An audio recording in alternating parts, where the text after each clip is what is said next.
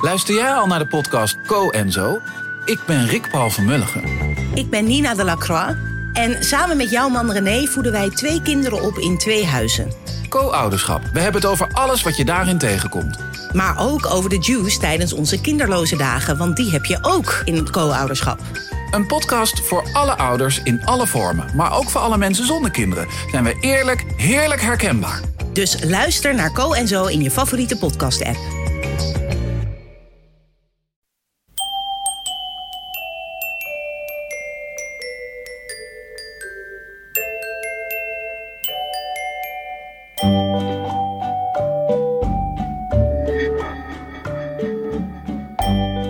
Welkom bij aflevering 266 van Echt Gebeurd. De podcast waarin waargebeurde verhalen worden verteld door de mensen die ze zelf hebben meegemaakt. Deze week een verhaal dat Gerard van Santen in oktober 2018 bij ons vertelde tijdens een verhalenmiddag rond het thema Het lichaam.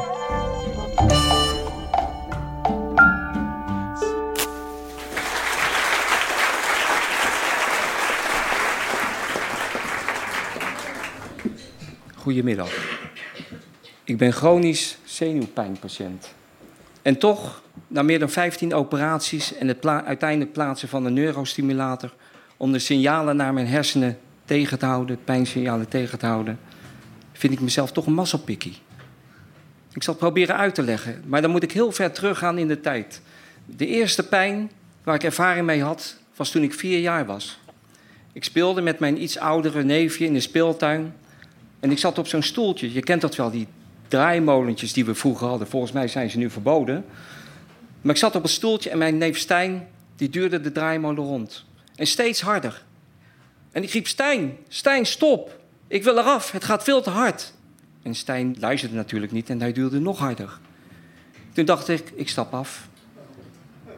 Het volgende moment herinnerde ik mij dat ik op de grond lag en een grote mevrouw met een witte jurk en een wit kapje op haar hoofd zich over mij heen boog en een deken over mij legde. Twee dagen later werd ik wakker in een ziekenhuis. Weer een paar maanden later werd ik van de kleuterschool gedragen. Ik kon niet meer lopen, ik had last van mijn rug, mijn billen deden pijn. We zijn naar de huisarts gegaan en hij zei van... je lijdt waarschijnlijk aan kinderreumatische pijnen. Daar groei je wel overheen. Maar dat gebeurde niet. En dan moet je weten dat ik ben opgegroeid in een huis waar fysiek en geestelijk geweld dagelijks aan de orde waren. Mijn vader is als 17-jarige Rotterdamse jongen in 1945 zich gaan aanmelden bij het eerste bataljon oorlogsvrijwilligers, OVW'ers, en is uitgezonden naar Indonesië. Daar is hij in de vuile oorlog terechtgekomen. En als een van de weinigen is hij in Indonesië gebleven en is in 1953 getrouwd met mijn moeder, het mooiste meisje van Ambon. Ikzelf ben ook op Ambon geboren in 1957. In 1958 stuurde Sukarno alle Nederlanders het land uit en moesten we terug naar Nederland. Via Kamp Vught kwamen we terecht in een tweekamerfletje in Den Haag. Toen ik twaalf werd en ik naar de middelbare school moest, beloofde ik mijzelf drie dingen. Ik zou nooit roken, nooit drinken en nooit vloeken. En ik dacht, als mij dat lukt, dan lukt mij alles. Dan kan ik de hele wereld aan. En tot op de dag van vandaag en ook de dagen die hierna komen, houd ik me aan deze beloftes. Na mijn studie in 1979 besloot ik, waarschijnlijk in de voetsporen tredend van mijn vader, beroepsmilitair te worden. Tijdens de keuring en de officiersopleiding vertelde ik natuurlijk niets over mijn pijn. Ik werd uiteindelijk kompiescommandant van een opleidingskompie. En iedere twee maanden kreeg ik 400 frisse burgers. Die konden de krijgstoestelden in de filmzaal. En die vervolgens naar de fourier moesten om hun militaire kleding en een persoonlijk wapen, een Uzi, op te halen. En ze moesten zich verzamelen op het exercitieterrein. En de sergeanten, de groepscommandanten, die hadden ieder 20 soldaten. En ik gaf ze de opdracht om de koepentest te lopen, een 12 minuten loop. De soldaten mochten dat gewoon in sportkleding doen. En de sergeant die moest dat in zijn gevechten nu doen, met zijn kistjes aan.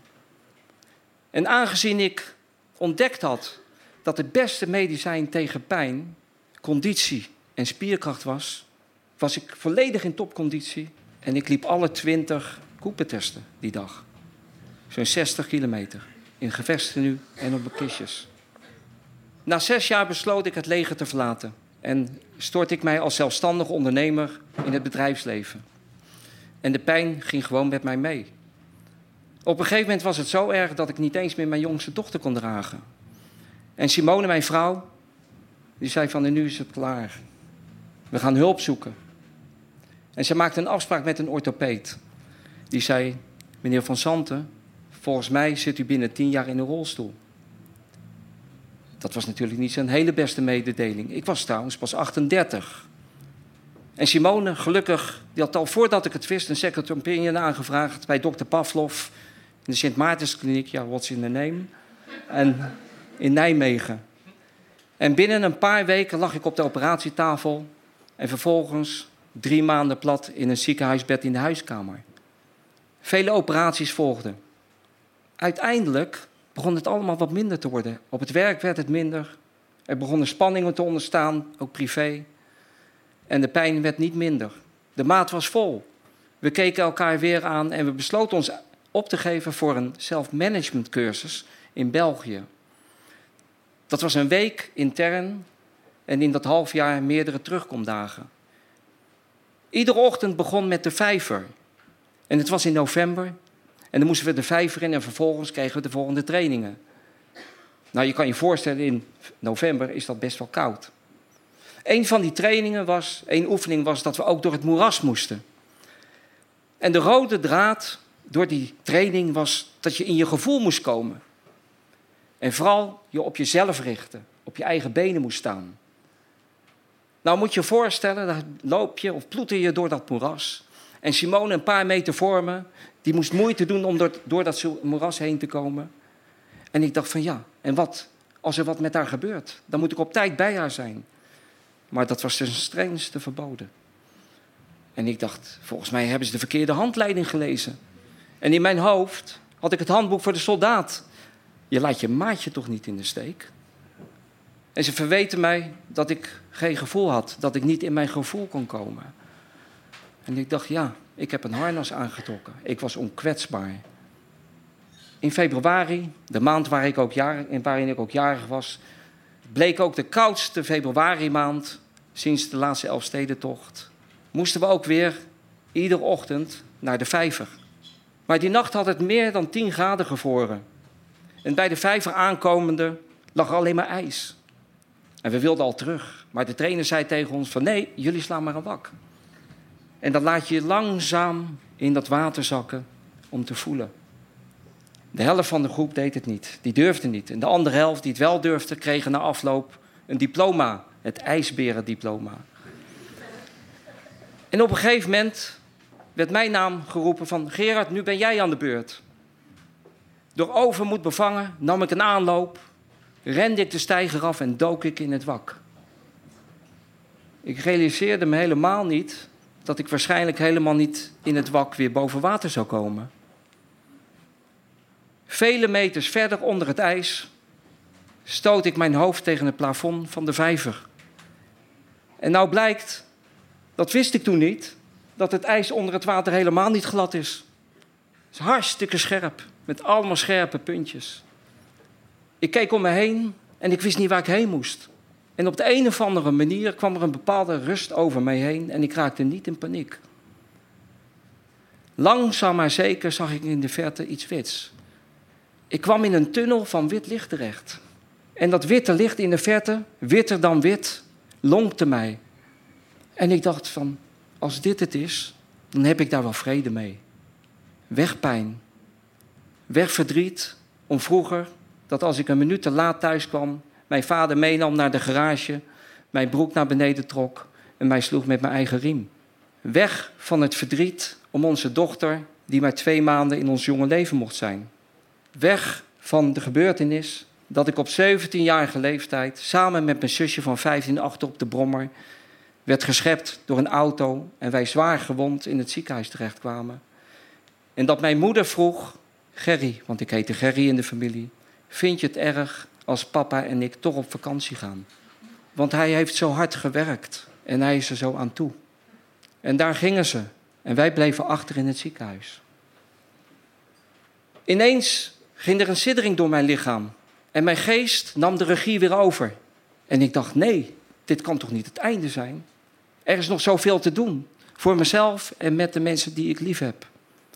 En plots herinnerde ik mij de duikersoefening uit mijn militaire leven.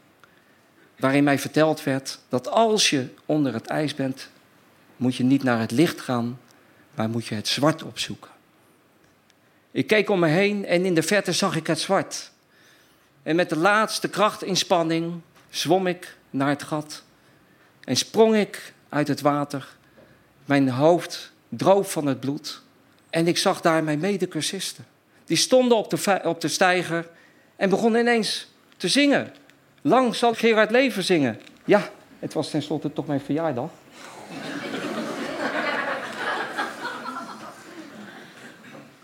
Vanaf dat moment heb ik mijn pijn als mijn metgezel gezien. En heb ik vrede gesloten met mijn pijn. En zorg ik voor mijn pijn. En zie ik mijn pijn als mijn beste vriend. Zoals een beste vriend je nooit verlaat. Dank jullie wel.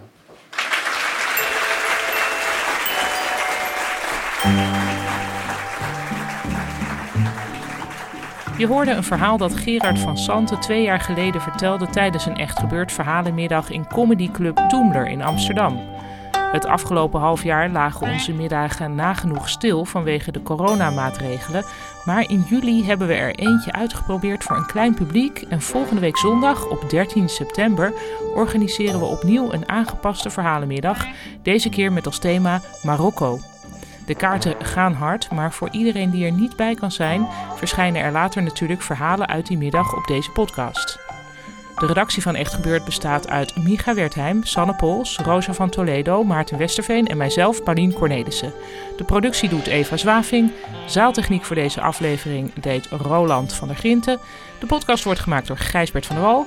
Dit was aflevering 266. Bedankt voor het luisteren en onthoud, als je onder het ijs komt, moet je niet naar het licht toe gaan, maar moet je het zwart opzoeken.